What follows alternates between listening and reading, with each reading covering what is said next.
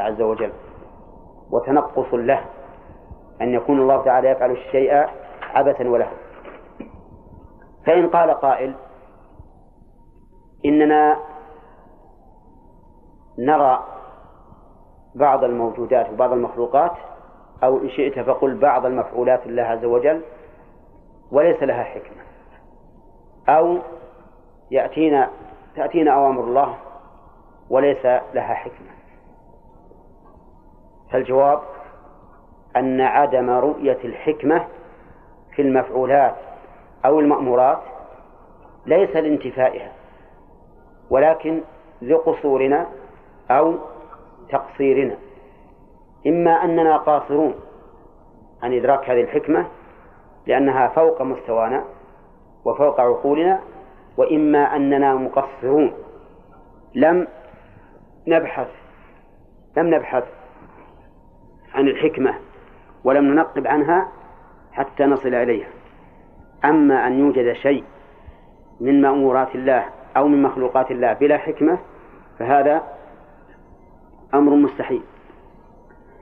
يوجد بعض الأشياء المخلوقة لا نعلم لها حكمة لكن إذا تأملتها وجدت أن لها حكمة. ولنفرض هذا في اللواسع كالعقرب وشبهها. وفي المؤذيات كالبعوض والذباب وما أشبه ذلك. يقول قائل ما الحكمة من هذا؟ نعم. تأمل. تجد حكما. ما هو حكمة حكمة واحدة. أما أن تنظر إلى الشيء نظرة سطحية وتقول الله هذا ما له حكمة هذا قصور منك. أو أو تقصير. إما قصور تأملت وعجزت أن تلقى شيئا أو أنك مقصر لم تتأمل. ويذكر أن رجلا ما أن ملكا جبارا أراد أن يتحدى بعض أهل العلم. وقال له ما الحكمة من خلق الذباب؟ فقال الحكمة أن يرغم أن يرغم الجبارين أمثالك. لأنه يقع على أنفه رغما عليه. نعم. الذباب يقع على أنفه ويطرب على أنفه. نعم. يمكن يفرفش برجليه ولا بجناحيه وهو على أنف. هذا الرجل الجبار الذي آه، يخفض البشر رؤوسهم عند رؤوسهم عنده خوفا منه. فهذا جواب في الحقيقة. هذا جواب لطيف. ومقنع ولا غير مقنع؟ ها؟ يعني مقنع. يعني الله عز وجل يتأمل ليعرف الناس أنهم أذلة. ولهذا تحدى الذين يعبد يعبدون من دون الله. قال إن الذين تدعون من دون الله لن يخلقوا ذبابا ولو اجتمعوا له. وإن يسلبهم الذباب شيئا لا يستنقذوه منه. ضعف الطالب والمطلوب. المهم أنك لا يمكن أن تجد شيئا بلا حكمة. لكن تخفى علينا الحكمة لقصورنا أو تقصيرنا. والله أعلم. وعلى نبينا محمد وعلى آله وأصحابه أجمعين. قال رحمه الله تعالى وفعله وأمره لا لعلة وحكمة في قول. وفي قول آخر لعلة وحكمة وهذا القول هو المتعين وهو اللائق بالله سبحانه وتعالى. أن يكون فعله وأمره لعلة ولحكمة. لكن كما أشرنا قريبا من الحكم ما هو معلوم ومنها ما ليس بمعلوم. لكننا نؤمن ونشهد بأن الله عز وجل لا يفعل فعلا ولا يأمر بأمر إلا وفيه حكمة ولا ينهى عن شيء إلا وفيه حكمة. انظر إلى الآية الكريمة التي تشير إلى هذا. إن الله يأمر بالعدل والإحسان وإيتاء ذي القربى. كل هذه الحكمة تقتضي الأمر به. كل ما أمر الله به فهو دائر بين العدل والإحسان.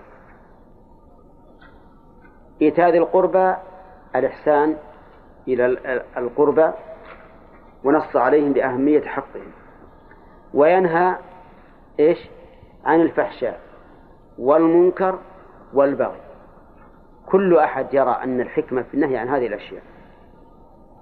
إذا أمر الله تعالى لا بد أن يكون لحكمة وفعلها الذي هو الخلق والإيجاد لا بد أن يكون لحكمة. وأما القول بأنه ليس لحكمة ولا لعلة وأن مجرد المشيئة مرجح فهو قول ضعيف. وفيه من تنقص الله عز وجل ما نرجو الله أن يعفو عن قائله. وإلا في الأمر خطير. لأنك إذا قلت ليس لحكمة ولا لعلة لزم أن يكون فعله سبحانه وتعالى لغوا وعبثا و ولعبا. والله عز وجل يقول وما خلقنا السماوات والأرض وما بينهما لاعبين ما خلقناهما إلا بالحق. أيحسب الإنسان أن يترك سدى ولا في هذا كثير قال المؤلف وهي وإرادته ليستا بمعنى محبته ورضاه وسخطه وبغضه فيحب ويرضى ما أمر به فقط. وهي أي المشيئة والإرادة ليست بمعنى المحبة والرضا والسخط والبغض. طيب قول بمعنى محبته ورضاه وسخطه وبغضه فيها لف ونشر. وش نوعه؟ لا. غير مرتب. ليش؟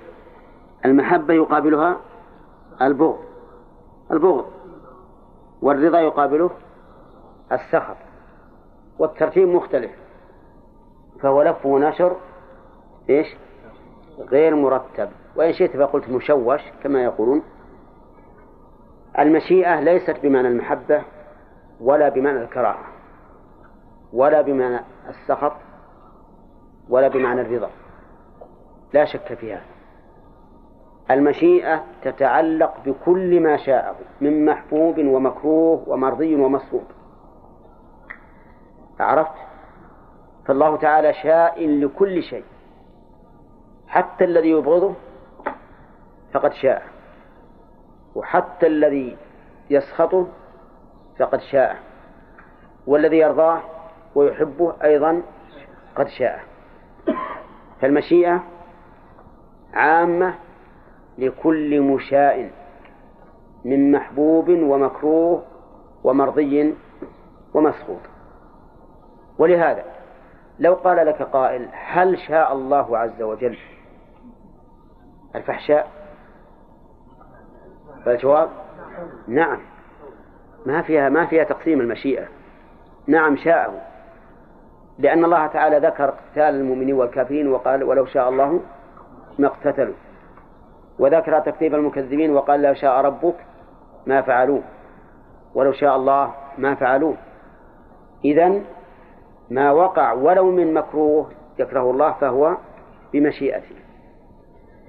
فإذا قال قائل كيف يشاء ما يكره وكيف يشاء ما يبغض ما, ما, ما يسخطه؟ فالجواب أن الحكمة اقتضت ذلك. فقد يكره الشيء ويقع بمشيئته لكن لحكمة وغاية. وغاية. مثلا الكفر مكروه إلى الله عز وجل. مبغوض إليه بلا شك. ولا لا؟ وهو محل سخطه. لماذا يقع بمشيئته؟ لحكمة عظيمة. من أجل أن تتم كلمته لأملأن جهنم من الجنة والناس أجمعين. وقد أشاره إلى ذلك في قوله ولا يزالون مختلفين إلا من رحم ربك ولذلك خلقهم وتمت كلمة ربك لأملأن جهنم من الجنة والناس أجمعين. منها أن يتبين الكافر من المؤمن. لو كان الناس كلهم مؤمنين ما تميز كافر من مؤمن. ولا ولم يكن للمؤمن شيء يحمد عليه. لأن الأمة كلها مؤمنة فهو لن يخرج عن فئته. فإذا كان كافر ومؤمن من شاء ذهب الكفار ومن شاء ذهب المؤمنين حينئذ عرف المؤمن حقا. عالم الجهاد هل يرفع مع كون الناس كلهم مؤمنين؟ لا. ما يرفع إلا بوجود الكفار. وعلى هذا فقس. نعمة الله بالإيمان لا يعرفها المؤمن إلا إذا كان هناك إيش؟ كفر. كما أن نعمة الاستقامة لا يعرفها المستقيم إلا إذا كان هناك فسق. وهذا أمر يعرفه من تدبره. إذا المشيئة عامة في إيش؟ في كل شيء. فيما أمر الله به ومنهى عنه فيما أحبه وما كرهه فيما رضيه وما سخطه. كل شيء واقع بمشيئة الله. ولهذا كان المؤمنون يقولون كلمة عامة شاملة وهي ما شاء الله كان وما لم يشأ لم يكن. طيب إذا ليست المشيئة بمعنى المحبة والرضا والسخط والبغض. الإرادة. المؤلف أطلق أن الإرادة ليست بمعنى المحبة والبغض والرضا والسخط ولكن هذا الإطلاق فيه نظر لأن الإرادة إما كونية وإما شرعية. فإن كان فإن كانت كونية فهي بمعنى المشيئة. ليست بمعنى المحبة ولا بمعنى الكراهة ولا الرضا والسخط. وإن كانت شرعية فهي بمعنى المحبة. فهي بمعنى المحبة. يريد يحب لا يريد لا يحب. فكلام المؤلف رحمه الله على إطلاقه فيه نظر والصواب التفصيل فيقال إن أراد المؤلف بالإرادة الإرادة الكونية فكلامه صحيح. لأن الإرادة الكونية بمعنى المشيئة وتتعلق في كل شيء فيما يحبه ويرضاه وفيما لا يحبه ولا يرضاه. وإن أراد الإرادة الشرعية فهي بمعنى المحبة. بمعنى المحبة فكلامه على إطلاقه فيه نظر. انتبه. طيب فإذا قال قائل إيتوا لنا بدليل يدل على هذا التقسيم حتى نقتنع. فنقول استمع إلى قول الله تعالى والله يريد أن يتوب عليكم. ما المراد بالإرادة؟ المراد الإرادة الشرعية يعني يحب أن يتوب عليكم وليس يريد أن يشاء أن يتوب عليكم لأنه لو شاء أن يتوب علينا نعم. لتاب الناس كلهم إلى الله. ولكن يريد بمعنى يحب وما أحبه فقد يقع. نعم. وقد لا يقع. طيب آه انظر إلى قوله تعالى إن كان الله يريد أن يغويكم هو ربكم. يريد هنا بمعنى يشاء فهي كونية. لأن الله لا يريد شرعا أن يغوي الناس بل يريد شرعا أن يهدي الناس. يبين الله لكم أن تضلوا. يريد الله ليبين لكم ويهديكم سنن الذين من قبلكم ويتوب عليكم. وبهذا عرفنا أن الإرادة إما كونية فتكون بمعنى المشيئة لا بمعنى الأمر والنهي أو الرضا والسخط أو البغض والكراهة وإن كانت شرعية فهي بمعنى المحبة بمعنى المحبة والرضا. فيريد كذا أن يحب ويرضاه. لا يريد كذا يعني لا يحبه ولا يرضاه. وقد سمعتم الأمثلة الدالة على تقسيم الإرادة إلى هذين القسمين. فإذا قال قائل ما الفرق بين الإرادة بالمعنيين؟ فالجواب الفرق أولا الإرادة الكونية لا بد فيها من وقوع المراد. فإذا أراد الله الشيء كونا فلا بد من وقوعه. الإرادة الشرعية قد يقع فيها المراد وقد لا يقع.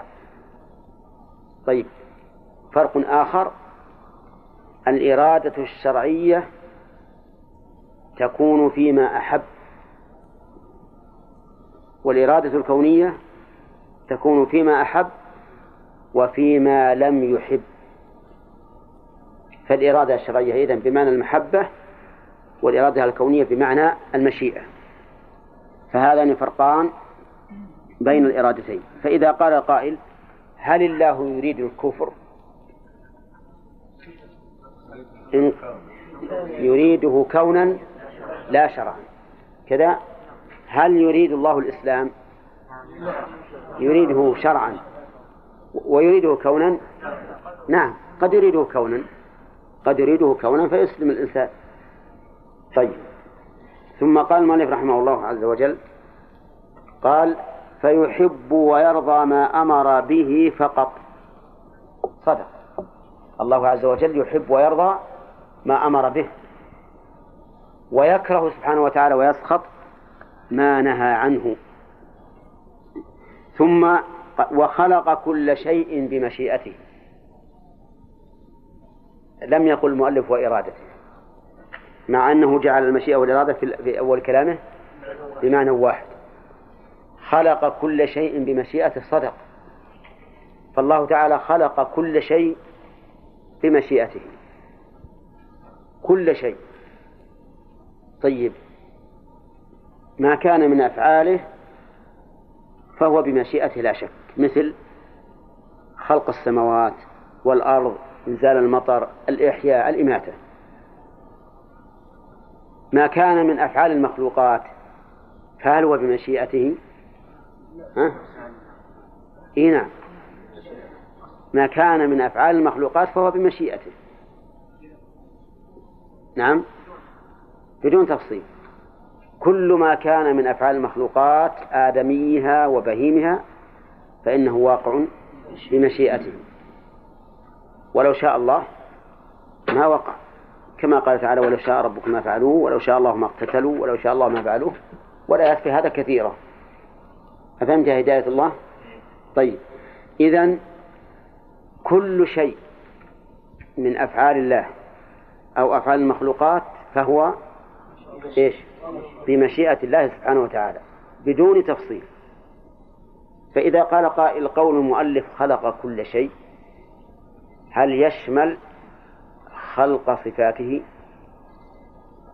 بمعنى أن الله خلق في نفسه السمع وخلق البصر فما الجواب انتبهوا إذا قال خلق كل شيء مخلوق. مثل ما ما له معنى. نقول طيب. لا يصح أن نقول أن الصفة مخلوقة أبدا. كما لا يصح أن نقول إن الذات مخلوقة. لأن الصفات فرع عن الذات. فإذا قال قائل كيف تجيبون عن استواء الله على العرش؟ أليس حادثا؟ قلنا بلى حادث. لكنه فرد من نوع غير مخلوق وهو الفعل. فالفعل غير غير مخلوق. وهذا فرد من أفراد أفعاله التي لا تحصى. فحينئذ يكون غير مخلوق. فكل شيء فهو مخلوق لكن الخالق بصفاته إيش؟ غير مخلوق. إذا ننتقل من هذه الجملة هل تقولون إن القرآن مخلوق أو غير مخلوق؟ ها؟ طبعا ستقولون على لسان واحد غير مخلوق. لكن إذا قال قائل أليس القرآن شيئا؟ بلى. لكن نقول أليس الله شيئا أيضا؟ إذا قل إن الله خالق نفسه وخالق كلامه فكما أنك لا تقول إن الله خالق نفسه فهو ليس بخالق كلامه. ثم نقول إن الله فصل بين الخلق والأمر. فرق فرق بين الخلق والأمر. فقال ألا له الخلق والأمر؟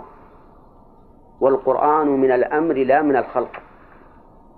لقوله تعالى وكذلك أوحينا إليك روحا من أمرنا. ففرق الله تعالى بين الخلق والأمر وجعل القرآن من إيش؟ من الأمر. والله أعلم. نعم قال رحمه الله تعالى فائدة. آه، سبق لنا في درس أمس أن المشيئة غير المحبة. مطلقا. ها؟ مطلقا. وأن الإرادة غير المحبة وظاهر كلام المؤلف مطلقا. ولكن الصحيح أن الإرادة تنقسم. منها ما يكون بمعنى المحبة ومنها ما ما, ما لا يكون بمعنى المحبة. ما هي الإرادة التي بمعنى المحبة؟ هي الإرادة الشرعية. أما الإرادة الكونية فهي بمعنى المشيئة. وسبق لنا أن الله تعالى قد يقدر ما يكرهه كما قدر المعاصي وقدر الأعيان الضارة.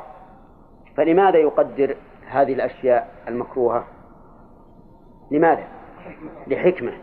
لأن لها غاية حميدة أكثر من وجود الضرر. وضربنا مثلا لذلك بالوالد يكوي ابنه من المرض بالنار من أجل الشفاء. فهو الآن يكوي بالنار ولا شك أنه يكره أن يتألم ولده من حر النار لكنه يكره ذلك من يفعل ذلك من أجل المصلحة والعاقبة التي تترتب على ذلك. فالله عز وجل يقدر المعاصي يقدر الأعيان المؤذية, الأعيان المؤذية الضارة كذوات السموم والسباع بحكمة عظيمة. طيب. وسبق لنا أن الله تعالى خلق كل شيء بمشيئته كل شيء فهو مخلوق الله وخلقه الله بإيش؟ بالمشيئة. لم يكن شيء بغير مشيئته. وسبق لنا أن المعتزلة والجهمية استدلوا بهذا العموم على أن القرآن مخلوق. وسبق لنا بيان بطلان هذا القول والرد عليه طيب ثم قال المؤلف فائدة الأعيان والعقود المنتفع بها قبل الشرع الأعيان مبتدأ والعقود معطوف عليه. مباحة هذه خبر مبتدأ. خبر مبتدأ. طيب نشوف الآن حل كلام مالك. الأعيان المنتفع بها قبل الشرع. هل هل الانتفاع بها حرام أو حلال؟ المؤلف يقول إنه إنها مباحة. مباحة. بأي طريق؟ يقول المؤلف بإلهام. يقول إن هذا بإلهام وهو ما يكون في القلب مما يطمئن إليه ويركن إليه ويدعو للعمل به. يعني كقول الرسول عليه الصلاة والسلام البر ما اطمأنت إليه نفس واطمأن إليه القلب والإثم ما حاك في نفسك وكرهت أن يطلع عليه الناس. كذلك العقود. العقود التي تجري بين الناس من بيع وشراء وإجارة ووقف ورهن وشركة ونكاح وغير ذلك مما يتعاقد به الناس قبل الشرع. إن خلا وقت عنه أو بعده إلى آخره. قولها المنتفع بها قبل الشرع إن خلا وقت عنه. إن. هذه شرطية والشرط بإن لا يلزم منه الوقوع. إذ قد تدخل إن الشرطية على شيء ممتنع غاية الامتناع. مثل قوله تعالى قل إن كان للرحمن ولد فأنا أول العابدين. إن هنا شرطية داخلة على شيء مستحيل. قال الله تعالى تكاد السماوات يتفطرن منه وتنشق الأرض وتخر الجبال هدا أن دعوا للرحمن ولدا. وما ينبغي للرحمن أن يتخذ ولدا. مستحيل. ومع هذا يقول قل إن كان للرحمن ولد فأنا أول العابدين. فدخلت إن الشرطية على أمر مستحيل. وقال الله تعالى لرسوله محمد عليه الصلاة والسلام لئن أشركت لا يحبطن عملك. هذا في العمل. لئن أشركت لا يحبطن عملك. وهل يمكن أن يشرك؟ لا. وقال له فإن كنت في شك مما أنزلنا إليك وهذا في الخبر. فإن كنت في شك مما أنزلنا إليك فاسأل الذين يقرؤون الكتاب من قبلك وهل هو في شك من ذلك؟ أبدا ولن يكون في شك من ذلك. طيب إذا قول المؤلف إن خلا وقت عنه هل يلزم من هذا الشرط أن يخلو وقت من من الشرع؟ نعم أبدا لا يلزم. ولا يمكن أن يخلو وقت من الشرع أبدا. لأنه لو خلا وقت من الشرع لخلا وقت من الحجة على الناس. والله عز وجل يقول رسلا مبشرين ومنذرين لئلا يكون للناس على الله حجة بعد الرسل. فلا يمكن أن يخلو وقت من شرع أبدا. فإذا قال قائل قولكم هذا منقوض بما قبل الرسل. فإن أول الرسل نوح كما دل عليه القرآن والسنة. إنا أوحينا إليك كما أوحينا إلى نوح والنبيين من بعده. وقال تعالى ولقد أرسلنا نوحا وإبراهيم وجعلنا في ذريتهم النبوة والكتاب. وفي الحديث الصحيح حديث الشفاعة أن الناس يأتون إلى نوح فيقولون أنت أول رسول أرسله الله إلى أهل الأرض. فما قبل نوح خال عن عن الشر. فالجواب أنه لم يخلو من الشر لأن آدم نبي موحى إليه يتعبد بشريعة الله عز وجل وذريته تابعون له لأنكم تعلمون أن أول البشر سيكونون قليلين. غير منتشرين في الأرض كثيرا. لكن لما انتشروا في الأرض كثيرا واختلفوا واحتاج الناس إلى الرسالة أرسل الله نوحا. كما قال تعالى كان الناس أمة واحدة فبعث الله النبيين مبشرين ومنذرين وأنزل معهم الكتاب بالحق ليحكم بين الناس فيما اختلفوا فيه. إذا السؤال هل يخلو وقت من شريعة الله؟ لا. ما قبل نوح لم يخلو من الشريعة. الشريعة هي التي أوحاها الله تعالى إلى آدم وصار يتعبد بها وصار الناس في ذلك الوقت ليسوا كثيرين منتشرين مختلفين فكانوا يتعبدون بما كان عليه أبوهم. فلما كثروا واختلفوا احتاج الناس إلى الرسالة فأرسل الرسل. إذا إذا قلنا لا تخلو لا يخلو وقت من شريعة صارت الأعيان والعقود المنتفع بها ثابتة بإلهام ولا بشرع؟ بشرع. ثابتة بشرع. نعم ما في قبل الشرع. لأن المؤلف يقول إن خلا وقت عنه وهذا لا يمكن أن يخلو فإذا نقول هذه المسألة ما هي إلا فرضية. والغريب أن العلماء رحمهم الله تكلموا في هذه المسألة كلاما كثيرا. وأكثر وملأوا الصفحات من الأخذ والرد والجدل مع أنها مسألة واضحة واضحة جدا. لكن كما قال بعض العلماء سمي أهل الكلام أهل كلام لكثرة كلامهم كثرة كلامهم الذي ملأوا فيه الصحف. وكله جدل وجدل في جدل نعم.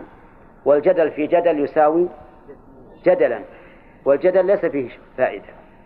ليس فيه فائدة. وحينئذ نقول المسألة والحمد لله واضحة. فالأصل في العقود إيش؟ الحل. والأصل في الأعيان الحل. حتى يقوم دليل من الشرع على المنع منها واستندنا في ذلك إلى الشرع. لأن الله عز وجل ما خلقها بين أيدينا ولا جعلنا نتعامل بها إلا وهو آذن فيها. ولو كان لم يرضها لنزل الشرع بتحريمها. يقول المؤلف أو بعده أي بعد الشرع وخلا عن حكمها وهذا أشد امتناعا. يعني الأعيان المنتفع بها والعقود بعد وجود الشرائع لكن خلت الشرائع عن الحكم بها. وسبحان الله.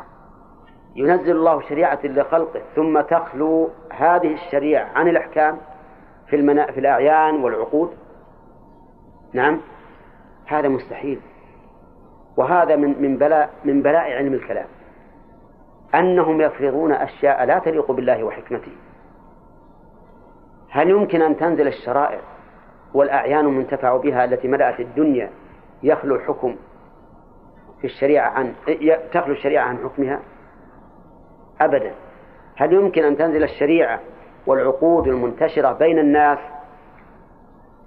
تخلو الشريعة عن حكمها نعم هذا أيضا مستحيل هذا مستحيل ولهذا قوله رحمه الله أو بعده وخلى عن حكمها هذا هذا أبعد من الأول نعم لو قال المؤلف أو أو بعده وخفي حكمها يصح ولا ما يصح؟ ها؟ هذا يصح لأن الحكم قد يخفى على الناس وإن كنا نعتقد أنه لا يمكن أن يخفى على كل أحد لأنه لو خفي حكم الشرع على كل أحد ما كان الشرع شرعا. لكن قد يخفى على أناس دون آخرين أو في مكان دون مكان أو في زمان دون زمان. طيب وخلى عن حكمها. أولى أولى وجهل. هذا صحيح. إيش معنى أولى وجهل؟ يعني أو لم يخلو عن الحكم ولكن جهل الحكم. هذا صحيح. ربما يكون الناس مثلا في مكان ما أو في زمن ما جاهلين بحكم الشرع في هذه المسألة وهذا ممكن. لكن الشرع لا بد أن يكون كاملا مبينا. حتى التوراة وهي وهي نازلة على قوم معينين من بني إسرائيل. قال الله تعالى وتفصيلا لكل شيء. فالكتب النازلة على على على, على الناس على الأنبياء هدى للناس في كل ما يحتاجون إليه. قال مباحة. مباحة شرابة خبر إيش؟ خبر الأعيان وما عطف عليه. في إلهام إلى آخره. والله أعلم. نعم. اللهم على نبينا محمد وعلى آله وأصحابه أجمعين. سبق لنا الكلام في الأعيان المنتفع بها قبل الشرع. هل هي مباحة أو لا؟ بندر مباحة. طيب وهل قول المؤلف المنتفع بها قبل الشرع يدل على أنه قد يخلو زمن من الشرع؟ انتبه.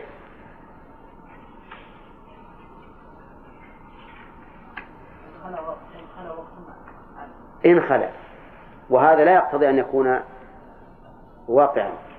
يعني لا لا يقتضي أن يكون أن يجوز خلو وقت عن الشرع. طيب. آه، إذا قال قائل إنها مباحة على أي أصل؟ عيسى. نعم. طيب هذا بعد ورود الشرع. الآن استدلت بشرع علمنا أنها مباحة بالشرع. لكن إذا قدر ما في الشرع أو على الأقل كما قال المؤلف أو جهل. جهل حكم الشرع فيها.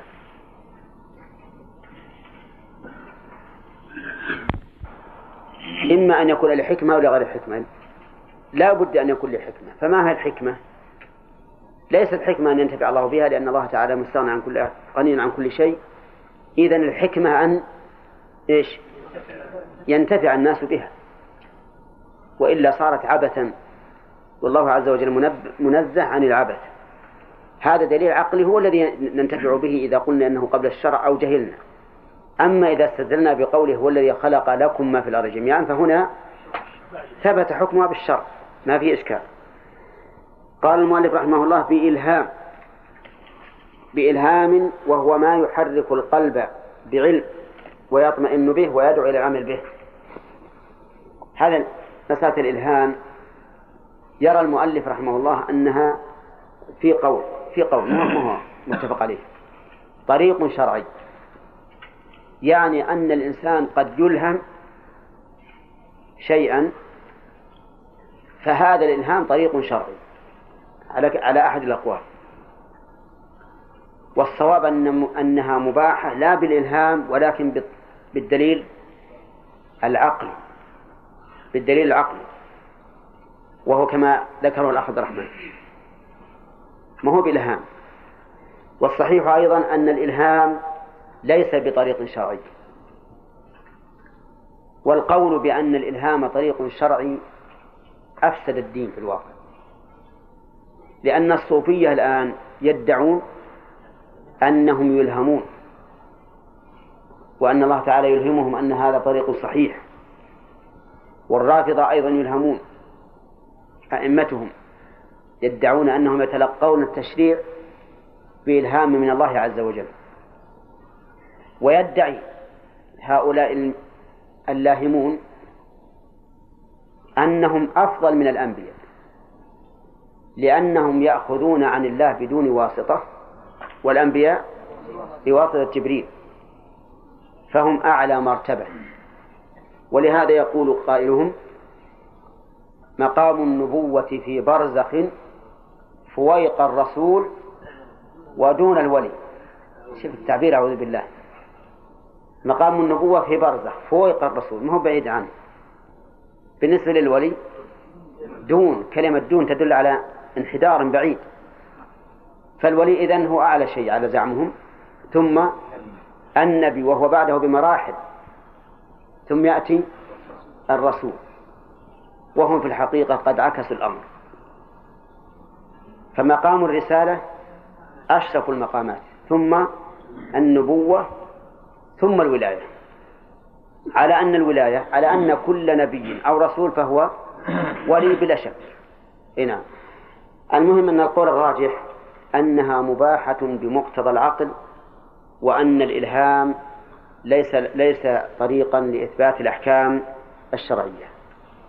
صحيح أن الإنسان قد يوفق لإصابة الصواب بما يلهمه الله لكن لا بد من عرض ذلك على الكتاب والسنة.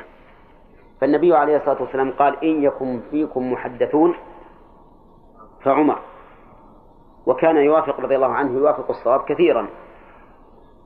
ومع ذلك ففي مقام الضنك والضيق يكون أبو بكر أوفق منه للحق وأشد إصابة. في صلح الحديبية ضاق عمر بن الخطاب رضي الله عنه بالشروط التي التي وافق عليها الرسول صلى الله عليه وسلم. وذهب إلى الرسول عليه الصلاة والسلام وناقشه في الموضوع وأجابه. ثم ذهب إلى أبي بكر وناقشه فأجابه أبو بكر بما أجاب به الرسول عليه الصلاة والسلام حرفا بحرف. إذا أيهما أوفق للصواب؟ أبو بكر. لما مات الرسول عليه الصلاة والسلام قام عمر قال إن الرسول عليه الصلاة والسلام صعق ولا يبعثنه الله فليقطعن أيدي رجال وأرجلهم حتى إنه قيل إنه قال من قال إن محمدا قد مات ضربت عنقه. فجاء أبو بكر وهو أشد الناس مصيبة برسول الله صلى الله عليه وسلم. ولما رأى عمر يفعل ما يفعل أو يقول ما يقول قال على رسلك. انتظر. ثم صعد المنبر وحمد الله وأثنى عليه. ثم قال أما بعد فمن كان يعبد محمدا فإن محمدا قد مات. ومن كان يعبد الله فإن الله حي لا يموت. ثم تلا قوله تعالى وما محمد إلا رسول قد خلت من قبله الرسل أفإن مات أو قتل انقلبتم على أعقابكم ومن ينقلب على عقبيه شيئا فلن يضر ومن ينقلب على عقبيه فلن يضر الله شيئا. وتلا إنك ميت وإنهم ميتون. قال عمر فعقرت حتى ما تقلني رجلاي عجز لا يقف لأنه علم الحق. فصار أبو بكر أثبت من عمر وأقر وأصوب في هذا المقام. وكذلك في حروب الردة. المهم أنا قصدي أن الإنسان قد يلهم الصواب لكن لا نقول إن هذا الإلهام طريق شرعي بل يعرض على الكتاب والسنة. إن, إن وافق الكتاب والسنة أو أقره الوحي في زمن الوحي صار ها صار صوابا لا بالإلهام ولكن بالموافقة. وقوله وهو في, وهو في قول طريق شرعي. الخلاف إذن على اصطلاح المؤلف متساوي متكافئ يعني أن فيها قولين مطلقين ولكن الراجح كما قلت لكم. ثم قال المؤلف فصل الحكم الشرعي مدلول خطاب الشرع. تعرفون أن هذا الكتاب أصول الفقه والفقه هو هو معرفة الأحكام الشرعية العملية. إذا لا بد أن نعرف ما هو الحكم. يقول الحكم الشرعي مدلول خطاب الشرع.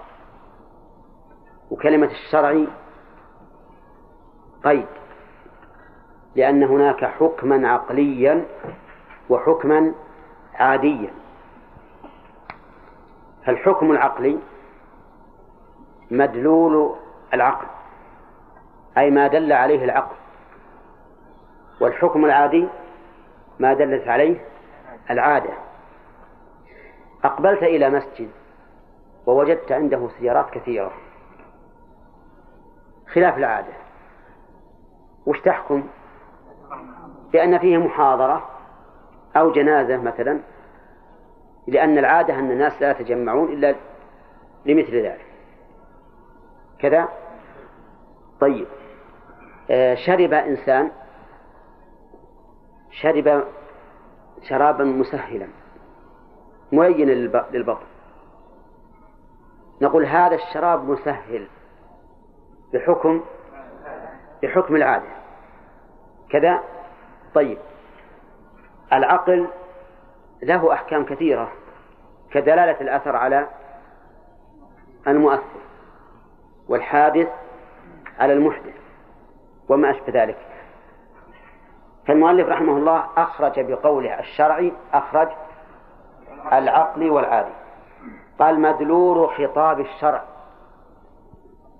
كلمة الشرع هذه مصدر والمراد بها اسم الفاعل.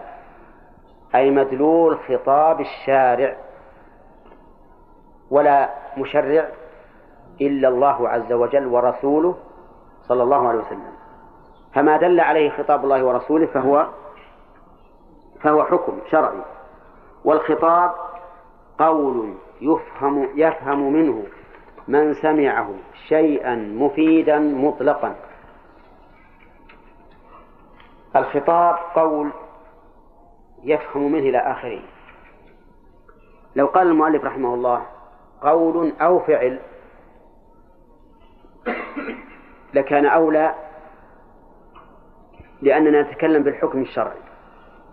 والحكم الشرعي قد يثبت بالخطاب وقد يثبت بالفعل. فصلاة الصحابة خلف الرسول عليه الصلاة والسلام قياما وأشار إليهم أن يجلسوا. هذا لا شك أنه حكم شرعي. ثابت بخطاب أو بإشارة. بإشارة. لكن المؤلف رحمه الله لما قال خطاب الشرع أراد أن يبين الخطاب من حيث المعنى اللغوي وأما من حيث المعنى الشرعي فالخطاب أعم من القول. قد يكون بالقول وقد يكون بالفعل ويأتي إن شاء الله بقية الكلام عليه. حكما. وما هو الخطاب؟ قال هو قول يفهم منه من سمعه شيئا مفيدا مطلقا. هذا الخطاب. قول خرج به الفعل. فأفعال الرسول عليه الصلاة والسلام لا تسمى خطابا. لكن قد دل الخطاب على أن أفعال النبي صلى الله عليه وسلم التي فعلها على سبيل التعبد مشروعة لنا. بمقتضى الخطاب الذي دل على ذلك. وقول المؤلف يفهم منه من سمعه شيئا مفيدا مطلقا. خرج به ما إذا لم يكن مفيدا فإنه لا يسمى خطابا. مثل قول النحويين دايز مقلوب مقلوب زيد. فهذا لا يسمى خطابا لأنه لا يفيد. وقوله مطلقا يعني على أي وجه من أوجه الإفادة سواء أفاد نفيا أو إيجابا وسواء أفاد كلاما يعني جملة خبرية أم لم يفد المهم أن كل شيء يفيد فإنه خطاب. قال ويسمى به الكلام في الأزل في قول.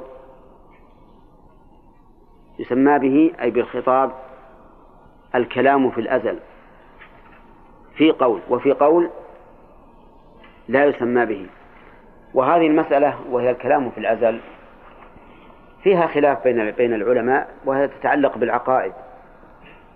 هل كلام الله عز وجل أزلي بمعنى أنه يتكلم في الأزل ولا يمكن أن يتجدد له كلام؟ أو أن كلام الله أزلي من حيث الجنس ولكنه حادث من حيث الآحاد والأفراد. يرى بعض العلماء أن كلام الله أزلي.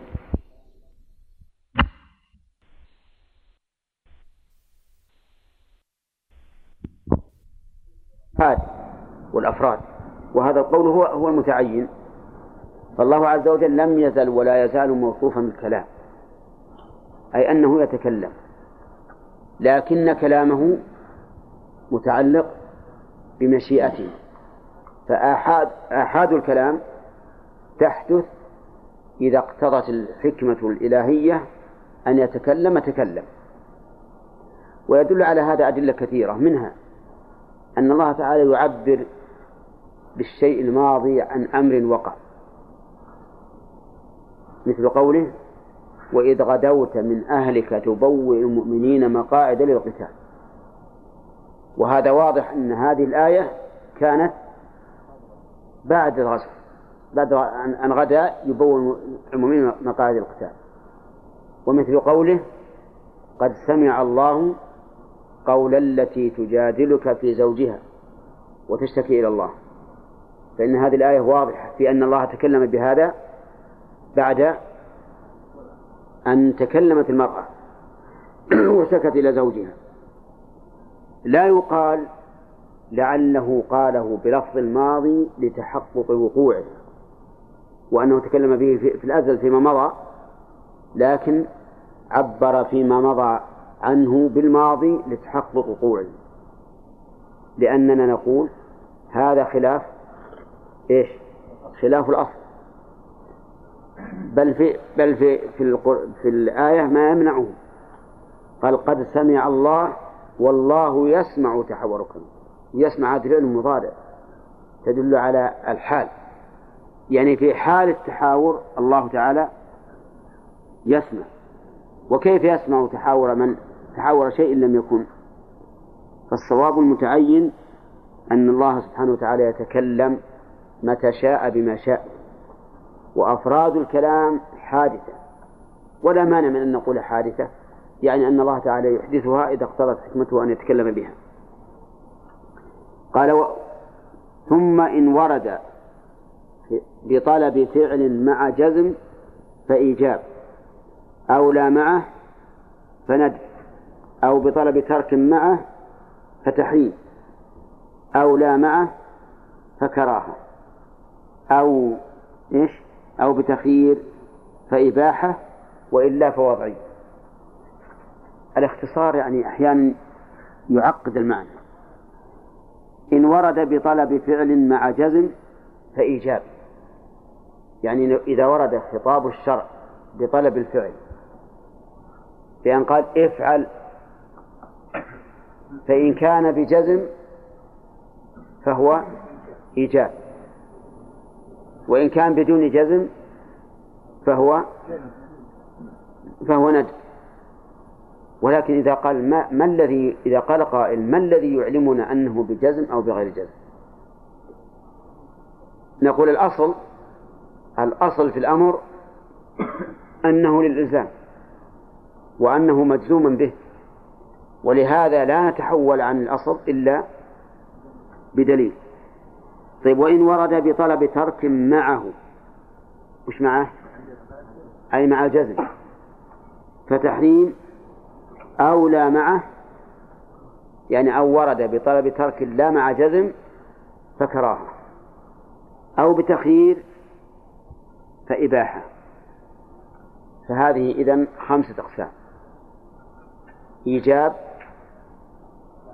وندب وتحريم وكراهة وإباحة. وهذا ما يعرف عند العلماء بالأحكام الخمسة.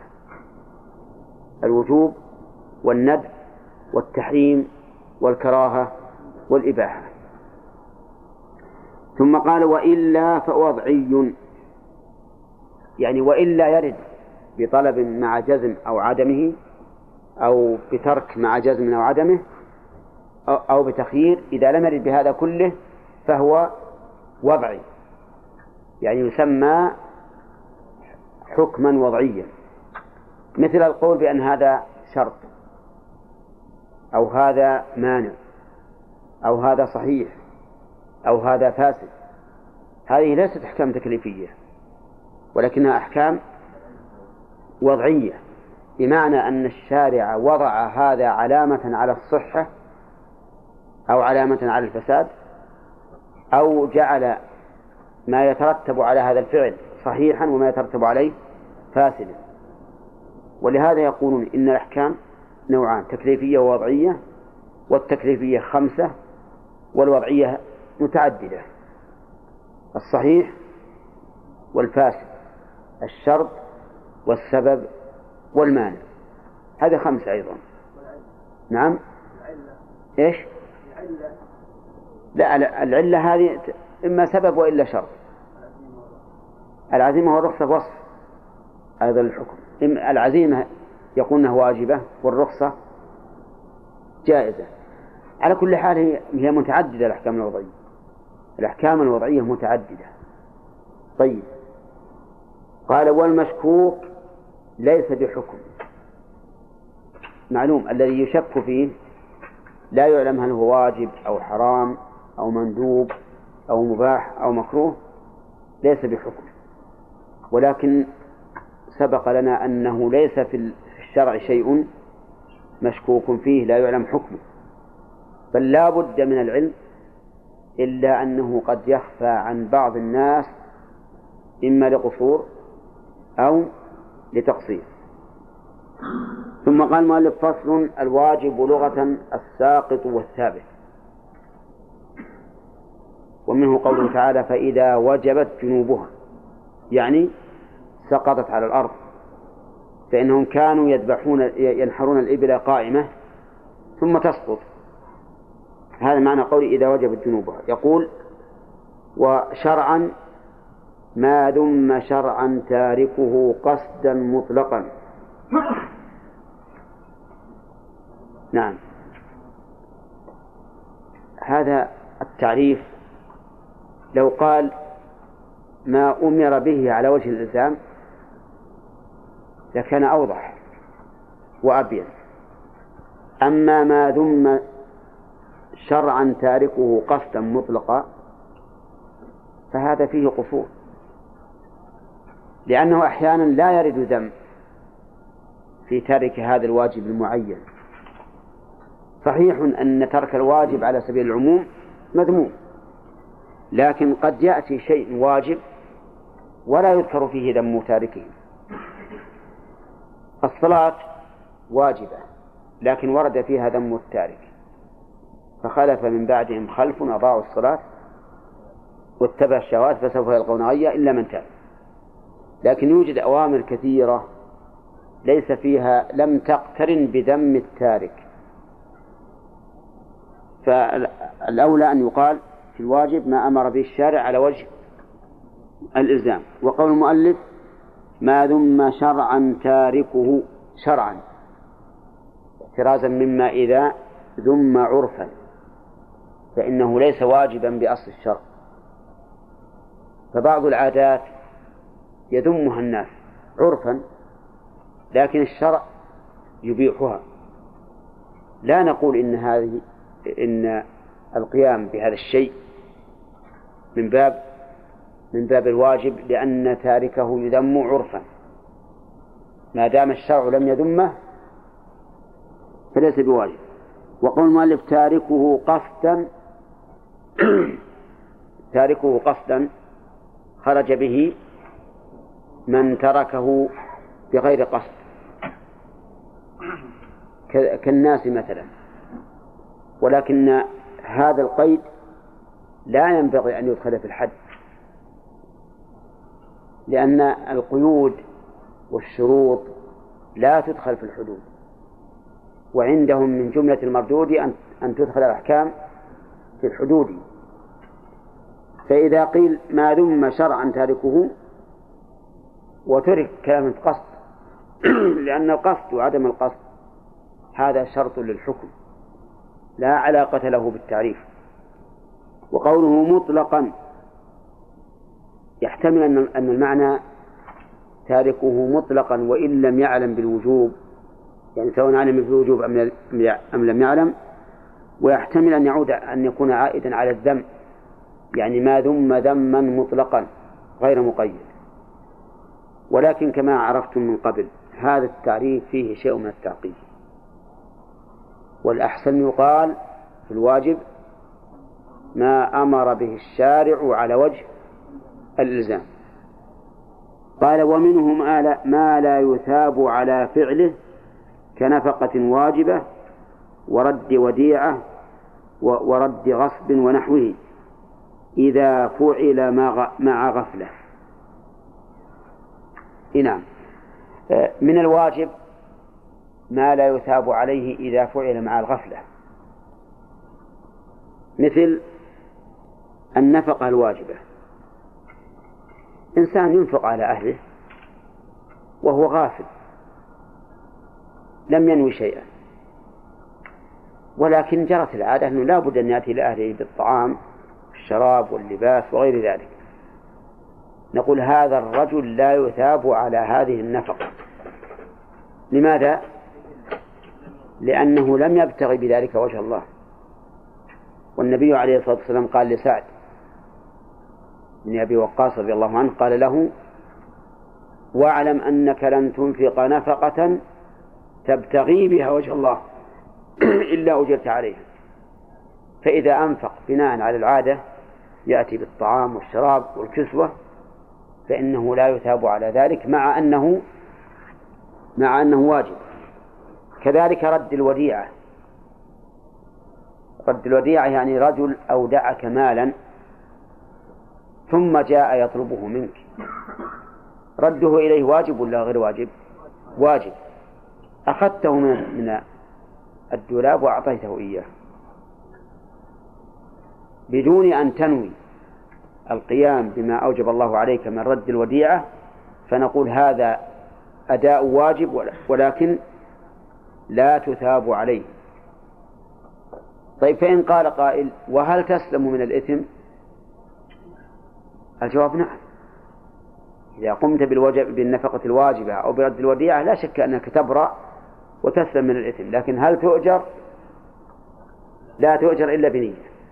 كذلك رد غصب. رجل غصب مالا ثم من الله عليه بالتوبة فرد هذا المال. فرد المغصوب واجب ولا يؤجر عليه إذا فعله مع غفلة.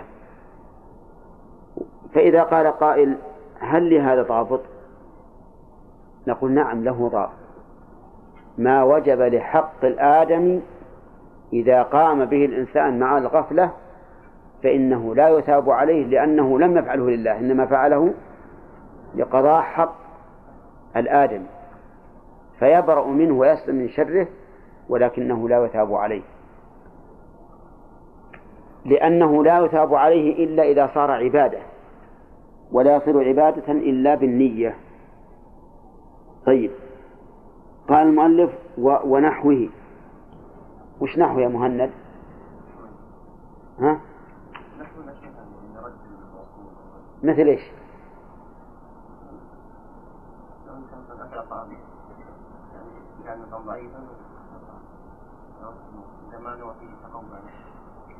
لا. إذا واحد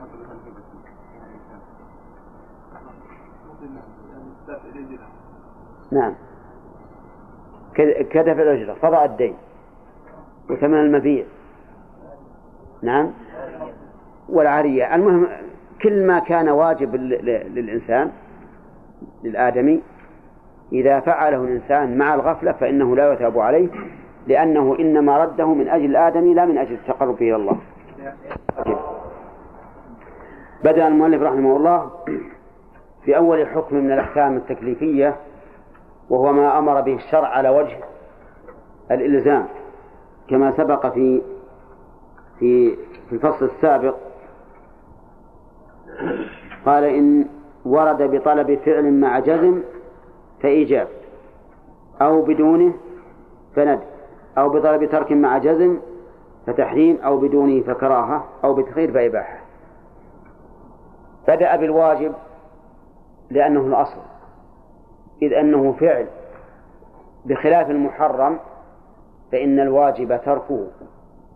والفعل إيجاد والأصل في التكليف الإيجاد لأن الترك أمر سهل. بخلاف الإيجاد فإنه يتضمن نية وعملا والترك لا يتضمن إلا نية وكفا. فالإنسان يمكنه أن يكون جالسا لكن إذا قام فالقيام حركة وعمل فهو أشق. ولهذا بدأ بالواجب قال النبي عليه الصلاة والسلام إذا أمرتكم بأمر فأتوا منه ما استطعتم وما نهيتكم عنه فاجتنبوه. لأن ولم يقل اجتنبوا ما استطعتم. لأن الاجتناب ترك فهو سهل. لكن الفعل فعل وإيجاد فهو أشق ولهذا قال فأتوا منه ما استطعتم. وبهذا نعرف لماذا بدأ العلماء في أصول الفقه بالواجب. نقول لأنه إيجاد فهو أشق من المحرم. طيب وقدم الواجب على الندب لأنه ملزم به بخلاف الندب. الواجب لغة ها؟ عجيب. طيب أجل نقرأ القرآن. الواجب لغة الساقط والثابت وضربنا لذلك مثالا بقوله تعالى فإذا وجبت جنوبها أي سقطت على الأرض قال وشرعا ما ذم شرعا تاركه قصدا مطلقا. ما ذم شرعا يعني لا عرفا. تاركه. لأن ترك الواجب قد لا يذم عرفا.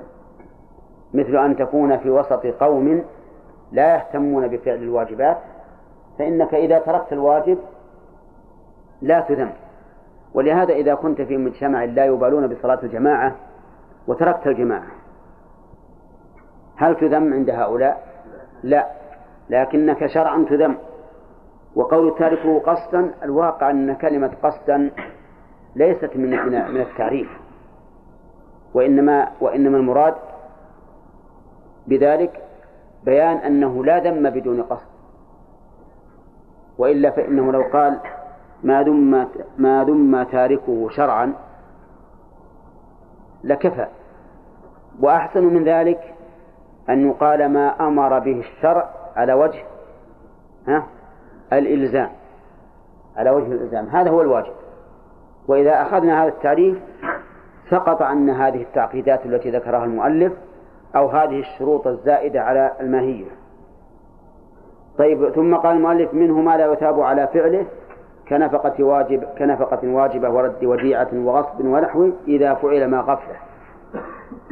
هذه الواجبات التي لحق الغير لا لحق الله.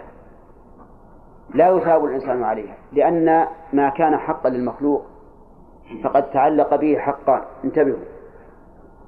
حق الله باعتبار أمره به وحق المخلوق باعتبار أنه له. فإذا فعلته مع غفلة لم تثب عليه لأنك لم تفعله لله. لكنك تبرأ منه لأنك قمت بالواجب نحو هذا الرجل. النفقة الواجبة إنسان ينفق على بيته. يأتي بالطعام والشراب واللباس في هذا البيت وهو غافل عن إرادة عن إرادة وجه الله. فهل نقول إن هذا الرجل قام بواجب؟ نعم قام بواجب. تبرأ ذمته بذلك ولا يطالب به مرة أخرى. ولكن هل يثاب؟ لا. لا يثاب. ويمكن أن يلغز بذلك. فيقال رجل قام بواجب عليه ولم يثب عليه. فما هو الجواب؟ الجواب أن يقال هذا الواجب حق لآدمي. فإذا قام به نحو الآدمي برئت ذمته ولكنه عند الله إيش؟ لا يثاب. إذا كان غافلا لم يرد به وجه الله. ودليل هذا قول الرسول عليه الصلاة والسلام لسعد بن أبي وقاص واعلم أنك لن تنفق نفقة تبتغي بها وجه الله إلا أجرت عليها حتى ما تجعله في فم امرأتك فهمتم؟ إذا ما الفائدة من من قيامي بهذا الواجب؟ الفائدة براءة الذمة وسقوط إيش؟ وسقوط الواجب أو سقوط الطلب أما الأجر المدخر في الآخرة فلا نعم. قال ورد وديعة وغصب. رد الوديعة يعني يعني رجل يعني أن رجلا أعطاك وديعة. قال خذ هذا المال عندك وديعة حتى أرجع من السفر. رجع الرجل من سفره فذهبت بالمال وأعطيته إياه. وأنت غافل عن نية التقرب. فقمت فقد قمت إيش؟ بواجب. وهو رد الوديعة لقوله تعالى إن الله يأمركم أن تؤدوا الأمانات إلى أهلها. لكن لا تثاب على هذا لأنك غافل. طيب وهل تبرأ ذمتك به؟ نعم تبرأ ذمتك به لأنك أديت حق الآدمي. طيب قال ومن المحرم ما لا يثاب على تركه كتركه غافلا صح. المحرم تركه فيه ثواب إذا تركه لله. وليس فيه ثواب إذا تركه مع الغفلة. وفيه وزر إذا تركه عجزا عنه. فأقسام ترك المحرم ثلاثة. ما فيه ثواب وما فيه عقاب وما لا ثواب فيه ولا عقاب. انتبه. فالذي فيه الثواب إذا تركه لله مع القدرة عليه. كما جاء في الحديث الصحيح من هم بسيئة فلم يعملها كتبت حسنة كاملة لأنه تركها من جرائه فرجل يمكنه أن يشرب الخمر ولكن تركه لله. هل يثاب على هذا الترك؟ ها؟ نعم يثاب. لأنه ترك معصية لله عز وجل فيثاب على هذا الترك. الثاني من تركه مع الغفلة يعني أنه لم يطرأ على باله إطلاقا. فهذا لا يأثم ولا يؤجر لأن نفسه لم تدعه إليه ولم يفعله ولم يتركه لله. فهذا لا يأثم ولا يؤجر. كرجل لا يزني ولا يشرب الخمر ولا يسرق ولا يعتدي على الناس لكن هذه طبيعته وسجيته. ليس قد هم بالشيء فتركه لله. نقول هذا الرجل سالم ولا غانم؟ سالم وليس بغانم. ليش؟ لأنه لم ينو التقرب إلى الله في ترك هذا المحرم. الثالث القسم الثالث رجل ترك المحرم عجزا عنه. ترك المحرم عجزا عنه. فهذا يأثم. يأثم. لأنه نوى المحرم لكن عجز. ثم إن عمل له أعمالا صار بمنزلة الفاعل. وإن لم يعمل له أعمالا صار دون ذلك. مثال الأول ما ما ذكره النبي عليه الصلاة والسلام في قوله إذا التقى المسلمان بسيفيهما فالقاتل والمقتول في النار. قالوا يا رسول الله هذا القاتل فما بال المقتول؟ قال لأنه كان حريصا على قتل صاحبه. فهذا الرجل نوى المحرم وسعى في أسبابه ولكن لم يقدر له فله إثم الفاعل. ولهذا قال القاتل والمقتول في النار. مثال الثاني الذي تمنى ولكن لم يفعل السبب أن يحاول الإنسان يحاول أن يفعل ولكن تركه مع القدرة خوفا. كرجل لص أسند السلم على الحائط ليتسلق الجدار فيسلق, فيسلق البيت. في أثناء ذلك مر به الناس فهرب. هرب. فهذا هل هو سالم أو لا؟ ليس بسالم لأنه نوى وفعل السبب. نوى وفعل السبب فيكون كالفاعل. لكنه دون الأول لأنه تركه باختياره. ولو شاء لصعد ولم اهتم بالناس. ودون ذلك أيضا من تمنى ولكن لم يفعل السبب. لم يفعل السبب. فهذا أيضا يأثم لكنه دون القسمين الأولين في, في الآثمين. المؤلف رحمه الله لم يتعرض إلا لقسم واحد وهو إذا ترك المحرم إيش؟ غافلا. لا إذا تركه عاجزا. ترك المحرم إذا ثلاثة أقسام.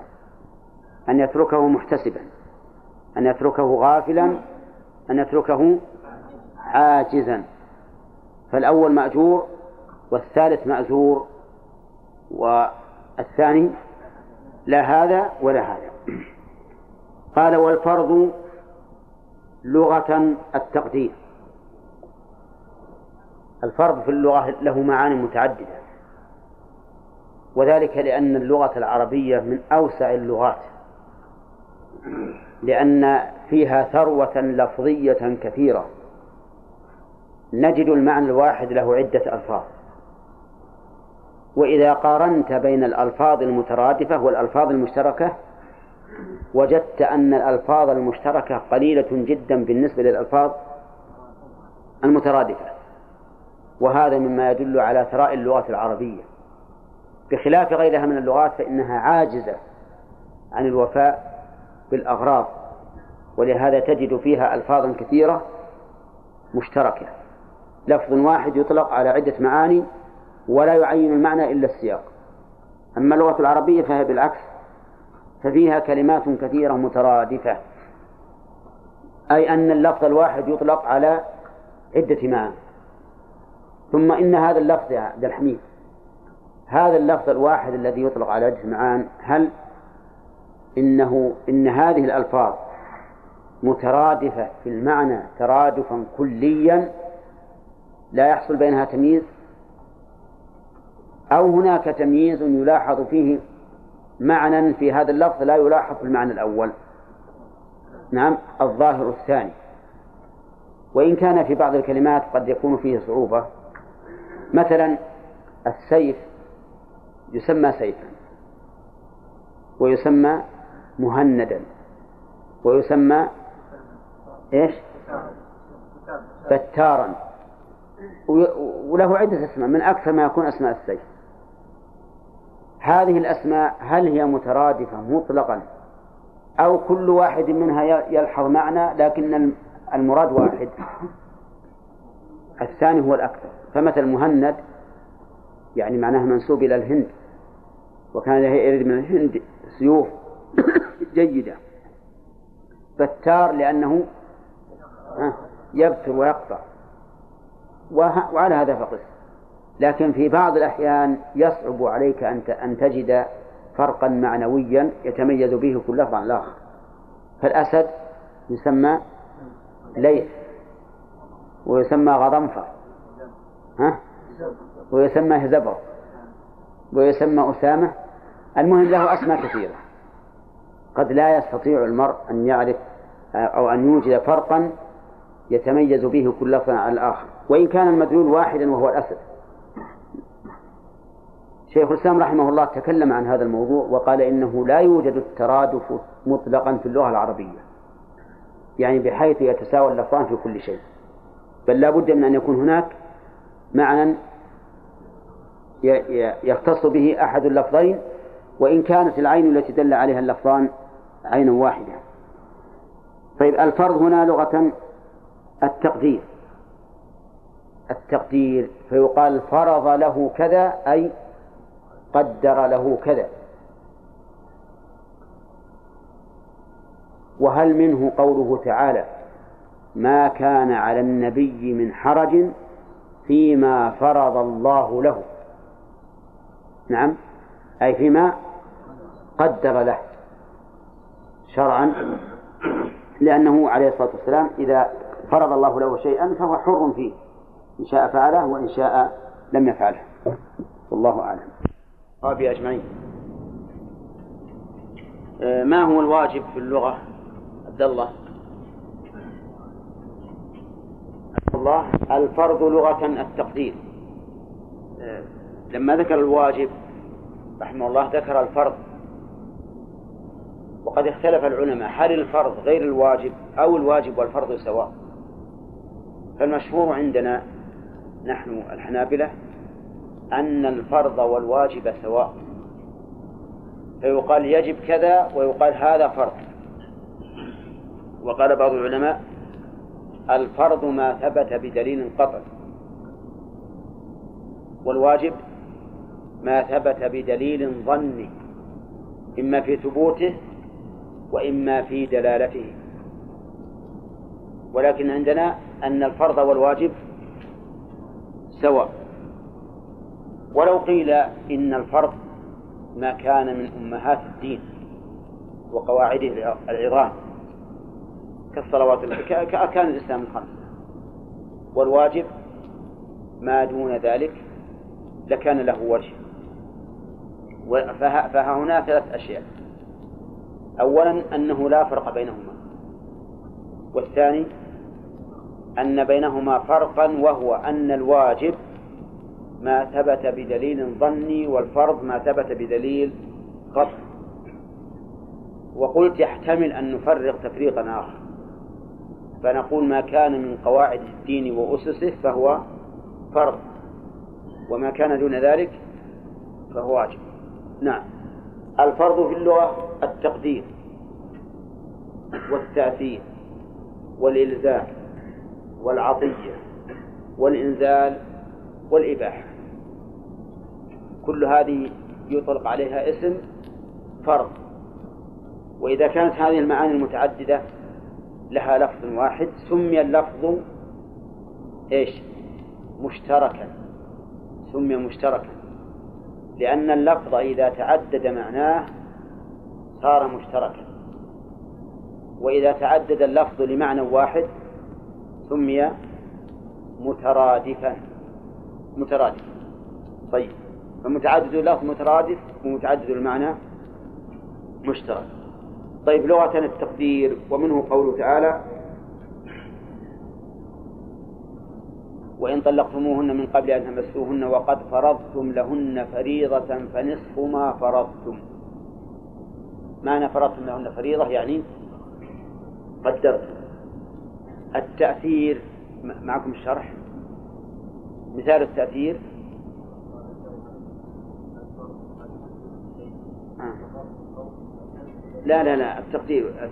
التأثير. نفس هذا التأثير. طيب التأثير. فرضه يعني حزه حتى أثر فيه انفصالا.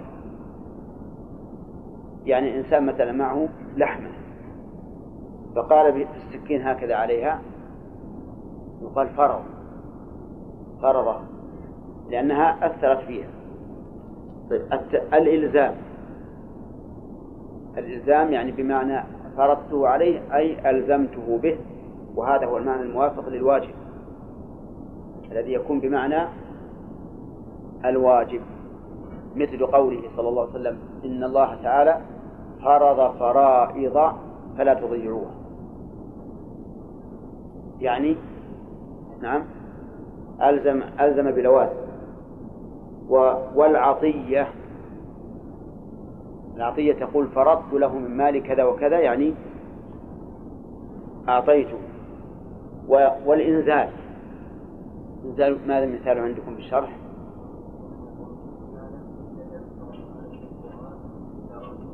نعم. هكذا مثل المؤلف وفي النفس منه شيء. إن الذي فرض عليك القرآن قال معنى أنزل عليك القرآن. لكن هذا بعيد من من اللفظ والمعنى. بل فرضه عليك أي فرض عليك تبليغه والعمل به. فيكون هذا بمعنى إيش؟ بمعنى الإلزام. طيب. والإباحة ما كان على النبي من حرج فيما فرض الله له أي فيما أباح الله له. قال ويرادف الواجب شرعا. يرادف الواجب أن يكون بمعناه لأن مرادف الشيء نعم لأن اللفظ المرادف لللفظ هو اللفظ الذي يكون بمعنى اللفظ الثاني. فتقول مثلا يجب على المكلف كذا وكذا.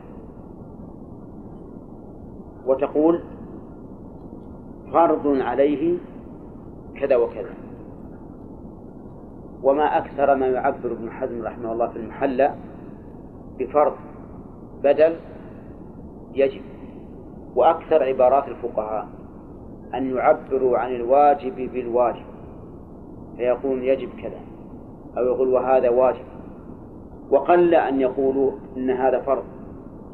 لكن ابن حزم على العكس. أكثر ما يعبر بفرض. لأن كلمة فرض أشد وقعا في النفس من كلمة واجب. حتى الإنسان يهتز لها يهتز لكلمة فرض يهتز لها بدن يرى أنه شيء ثقيل عظيم. لكن المذهب عندنا أنه يرادف الواجب وأنه لا فرق بين أن تقول هذا مفروض وهذا واجب. قال و وثوابهما سواء. ثوابهما سواء. هكذا أطلق المؤلف. وفي هذا نظر. فإن أراد بقوله ثوابهما سواء أن ما عبر به عن الواجب ما عبر عنه بالواجب ثم عبر عنه بالفرض فالثواب فيه سواء فهذا صحيح. يعني مثلا لو قلت فرض عليه أن يقول في الركوع سبحان ربي العظيم وقلت واجب عليه أن يقول في الركوع سبحان ربي العظيم فهنا الثواب الثواب سواء لأن المحكوم به شيء واحد.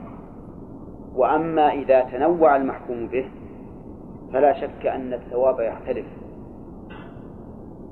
يختلف سواء قلت واجب أو قلت فرض.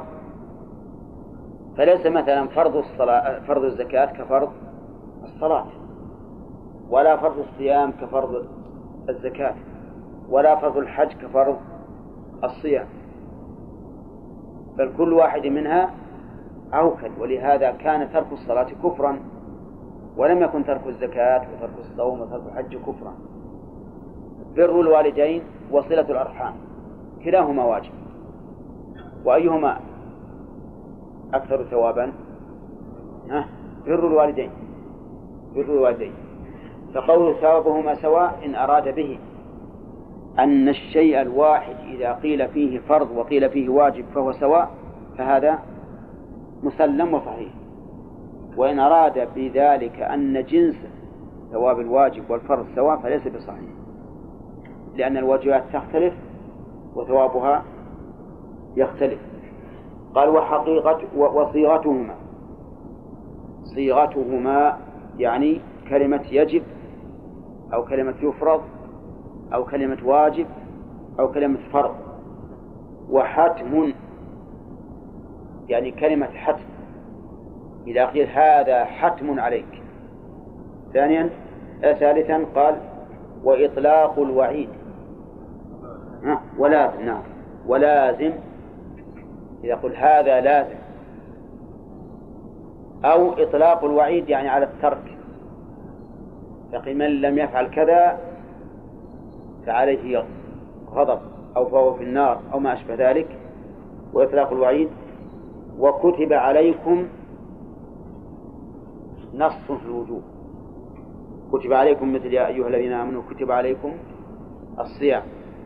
هذه نص في الوجوب فذكر المؤلف رحمه الله من النص في الوجوب واجب وفرض وحتم ولازم ومكتوب أو كتب عليكم. وكذلك إطلاق الوعيد على إيش؟ على الترك. كل هذا يفيد نص في الوجوب. نص في الوجوب. نعم. والله أعلم. بعد أن بين ما يرادف الواجب من الصيغ ولا حاجة إلى السؤال عنه لأنه بسيط. قال وإن كان الشارع عن عبادة ببعض ما فيها نحو وقرآن الفجر محلقين رؤوسكم دل على فرضه. وهذه قاعدة سبقت لنا. أن الشارع إذا عبر عن العبادة ببعضها دل على أن هذا البعض واجب فيها إما ركن وإما واجب. ووجه ذلك أنه لا يعبر بشيء عن الشيء إلا لأهميته فيه. مثال ذلك وقرآن الفجر. قال الله تعالى أقم الصلاة لدلوك الشمس إلى غسق الليل وقرآن الفجر. دلوك الشمس يعني زوالها. إلى غسق الليل يعني ظلمته. وأشد ما يكون الليل ظلمة. عند منتصف الليل. إذا أقم الصلاة من منتصف النهار إلى منتصف الليل. وهذا الجزء من الزمن ينتظم أربعة أوقات للصلوات. وقت الظهر وقت العصر وقت المغرب وقت العشاء. وكلها مشتبكة بمعنى أنه إذا ظهر وقت صلاة فهو دخول وقت الصلاة الأخرى. فإذا ظهر وقت الظهر فهو دخول وقت العصر. وإذا خرج وقت العصر فهو دخول وقت المغرب. إذا خرج وقت المغرب فهو دخول وقت العشاء. ثم فصل فقال وقرآن الفجر. فخص لأن الفجر لا يتصل بها وقت صلاة لا قبل ولا بعد. ولهذا كان القول الراجح أن صلاة العشاء ينتهي وقتها بنصف الليل. ولا يوجد لا في كتاب الله ولا في سنة رسوله صلى الله عليه وسلم دليل على أن وقت العشاء يمتد إلى طلوع الفجر. أبدا. وعلى هذا فيكون النصف الأخير من الليل ليس وقتا لصلاة المفروضة كما أن النصف الأول من النهار ليس وقتا لصلاة المفروضة طيب قرآن الفجر عبر الله تعالى عن صلاة الفجر بالقرآن. فدل هذا على أن القراءة واجبة فيها. كذا يا أيها الذين آمنوا اركعوا واسجدوا عبر عن الصلاة بالركوع والسجود. فدل هذا على أن الركوع والسجود واجبان في الصلاة. المهم إذا متى عبر الشرع ببعض العبادة عن جميعها دل هذا على أن ذلك البعض واجب. فسبحان الله حين تمسون وحين تصبحون على القول بأن المراد بذلك الصلاة يكون فيه دليل على إيش؟ على وجوب التسبيح في الصلاة في الركوع وفي السجود. كذلك قال محلقين رؤوسكم يعني ومقصرين في الآية محلقين رؤوسكم ومقصرين. عبر بالتحليق والتقصير عن العمرة. لتدخلون المسجد الحرام. إن شاء الله آمنين محلقين رؤوسكم ومقصرين. وإنما عبر عن العمرة بالتحليق والتقصير لأن التحليق والتقصير يكون بهما الإحلال. ولا إحلال إلا بعد إلا بعد فعل العمرة.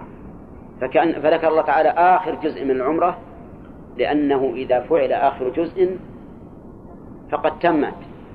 طيب هل أحد يقول إن المراد لا تدخلن المسجد الحرام. محلقين رؤوسكم ومقصرين بدون عمرة. أو لا. لا يمكن. إذ أن دخول الإنسان مكة بس يدخل ويحلق رأسه ويقصر هذا ليس بشيء. فالمراد معتمرين. فعبر عن العمرة بماذا؟ بالحلق والتقصير. بالحلق والتقصير. فدل ذلك على أن الحلق والتقصير واجبان. من واجبات العمرة وهو كذلك فإن الحلق من الواجبات وكذلك التقصير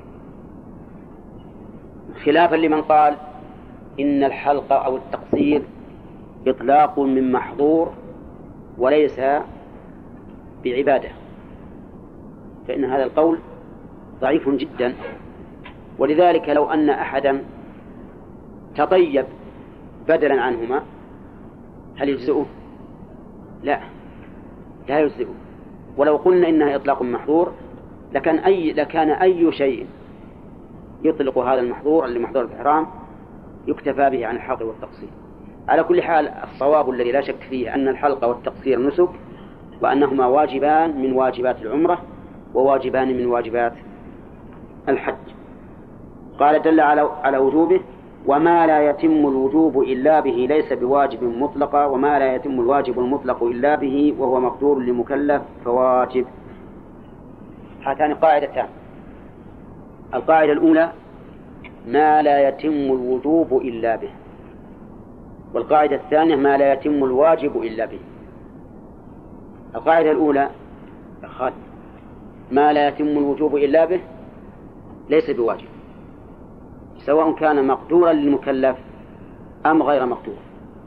والثانية هداية الله. ما لا يتم الواجب إلا به فهو واجب.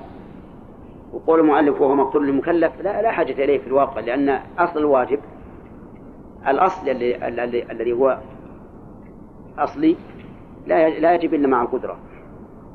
على كل حال ما لا يتم الواجب إلا به فليس بواجب. وما لا يتم الوجوب إلا به. نعم بالعكس. ما لا يتم الوجوب إلا به فليس بواجب وما لا يتم الواجب إلا به فهو واجب. أفهمنا القاعدة الآن؟ الأمثلة. الزكاة واجبة لكن لا تجب إلا بملك نصاب.